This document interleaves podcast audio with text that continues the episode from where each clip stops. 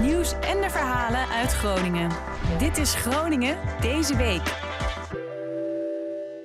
Hey, leuk dat je luistert naar Groningen deze week. Mijn naam is Suzanne Grijs en binnen nu en 10 minuten ben je helemaal op de hoogte wat er deze week, kalenderweek 40, speelde in Groningen.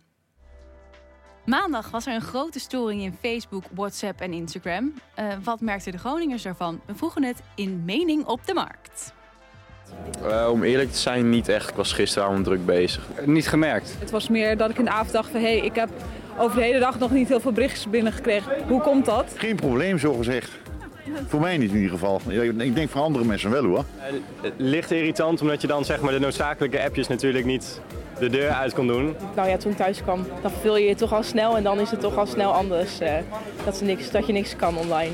Ik zat in de trein, dus voor mij maakt het allemaal niet zoveel uit. We hebben gewoon ge-sms'd, want ja, dat bestaat ook nog. Dus, nou, ik ben maar even overgestapt naar gewoon sms. Het werkte prima. Ik wist wel wat goed zou komen weer, dus uh, geen paniek. Het onderwerp wat deze week het nieuws domineerde waren de ongeregeldheden van afgelopen vrijdag door leden van studentenvereniging Vindicat. Afgelopen vrijdag vond er een Vindicat-feest plaats bij het Zilvermeer. Vervoerder Cubis was gevraagd om feestgangers van en naar de locatie te brengen. En toen het feest op zijn einde liep, werd het vervoersbedrijf geconfronteerd met grote groepen jongeren die terug wilden naar de stad. Deze jongeren gedroegen zich intimiderend in de bussen. Daarbij werden noodhamers verwijderd, werd alcohol gedronken, werden sigaretten opgestoken, er werden noodknoppen ingedrukt. Buschauffeurs en overige reizigers voelden zich zo geïntimideerd dat zij de hulp van de politie inriepen. De politiek reageerde op dit incident en vroeg een spoeddebat aan. Je hoort Jimmy Dijk van de SP. En daar zal de SP ook voorstellen doen, tien voorstellen, uh, waarbij wij vinden dat uh, Vindicat harder aangepakt uh, moet worden. Want zeg nou zelf, dit pand op de Grote Markt zou zoveel mooiere invulling kunnen hebben dan dat het nu heeft. Het is nu gewoon echt een schandvlek voor Groningen. Tot van Kesteren van PVV steunde het spoeddebat niet.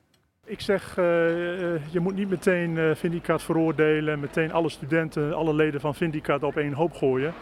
Je moet de, de aanstichters van deze situatie, die moet je oppakken en die moet je flink straffen. En wat ik zou doen als bestuur van Vindicat, zou ik deze mensen railleren. Nou, het, begint, het, het, is vaak een groepje die dit, die dit uh, doet en dan heb je nog heel veel meelopers. Maar je moet ze gewoon straffen.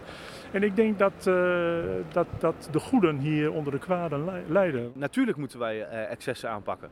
Maar als het keer op keer bij dezelfde club, bij dezelfde organisatie, bij dezelfde vereniging is, dan moet je je afvragen wat het nut nog van die vereniging is. En of je niet moet kijken of je dermate maatregelen kan nemen dat de samenleving niet keer op keer geschaad wordt door zo'n vereniging.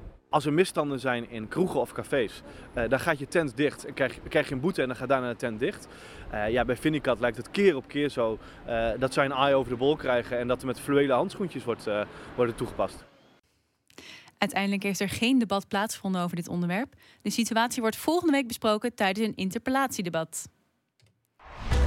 Magneetvisser Jan Duurt Deekman kreeg afgelopen week een brief van de gemeente Groningen dat hij niet meer mag magneetvissen in de diepen van Groningen. Doet hij dat wel, dan krijgt hij een boete van 2500 tot 10.000 euro. We spraken de man die alleen al afgelopen maand zo'n 278 fietsen uit de diepen van Groningen heeft gevist. Nou, aan de ene kant snap ik het wel, want er zijn natuurlijk risico's. En uh, risico's uh, die, uh, ja, die loop je.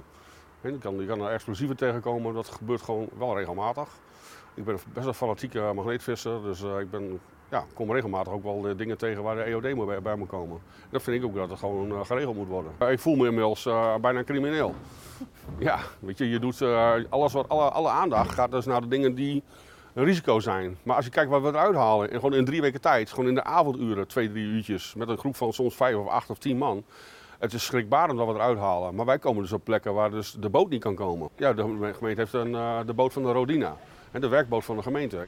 Zoals bij de uh, Groningen Museumhal, die volgens mij is van 100 fietsen eruit. Ja, maar dat was aan de kant waar de boot niet kan komen. Waar wij dus wel het water in konden. De jongens die in het water waren, die voelden gewoon waar die fietsen lagen. Die werkboot kan daar gewoon niet komen. Bij de bruggen kan die werk niet komen. Achter die dukdalven, in de, in de hoeken, tussen de woonschepen. Daar kunnen ze niet komen. En tot slot, dinsdag was er een flyeractie bij de Gerrit Krolbrug. De brug gaat de komende jaren vervangen worden. De aanvaring in mei van dit jaar heeft dat proces versneld. Op tafel liggen drie varianten. Rijkswaterstaat wilde graag een brug van 5,5 meter hoog. En daarnaast lagen er plannen voor een variant van 4,5 meter en 3 meter. Het stadsbestuur liet onlangs weten voor de 4,5 meter variant te willen gaan. Buurtbewoners en diverse belangenorganisaties zijn hier fel op tegen. Actievoerder Wim Klein legt het uit. Omdat iedereen straks over één rijbaan, even voor de duidelijkheid, dat is niet met aparte fietspaden en zo, dat soort dingen, maar iedereen moet over dezelfde weg. De invalide in zijn kaart en de automobilist, die moet twee keer zo hoog klimmen hier en dalen aan de andere kant. En wij denken dat heel veel mensen het geen fijn gevoel vinden. Ook als je met je kinderen naar school gaat, voor deze wijk, gewoon hier in de, in de school daar. Het geen fijn gevoel vinden gewoon om daar omhoog en naar beneden te moeten. De argumenten die het college ervoor gebruikt zijn ook in onze ogen heel onheus. En wij hopen dus dat deze positie erbij kan dragen gewoon dat er toch gekozen gaat worden door de gemeenteraad als de woensdag voor de drie meter. Dat was hem dan. Tot zover Groningen deze week. Vergeet je niet te abonneren op de podcast via Spotify of Apple Podcast. Dankjewel voor het luisteren en tot volgende week.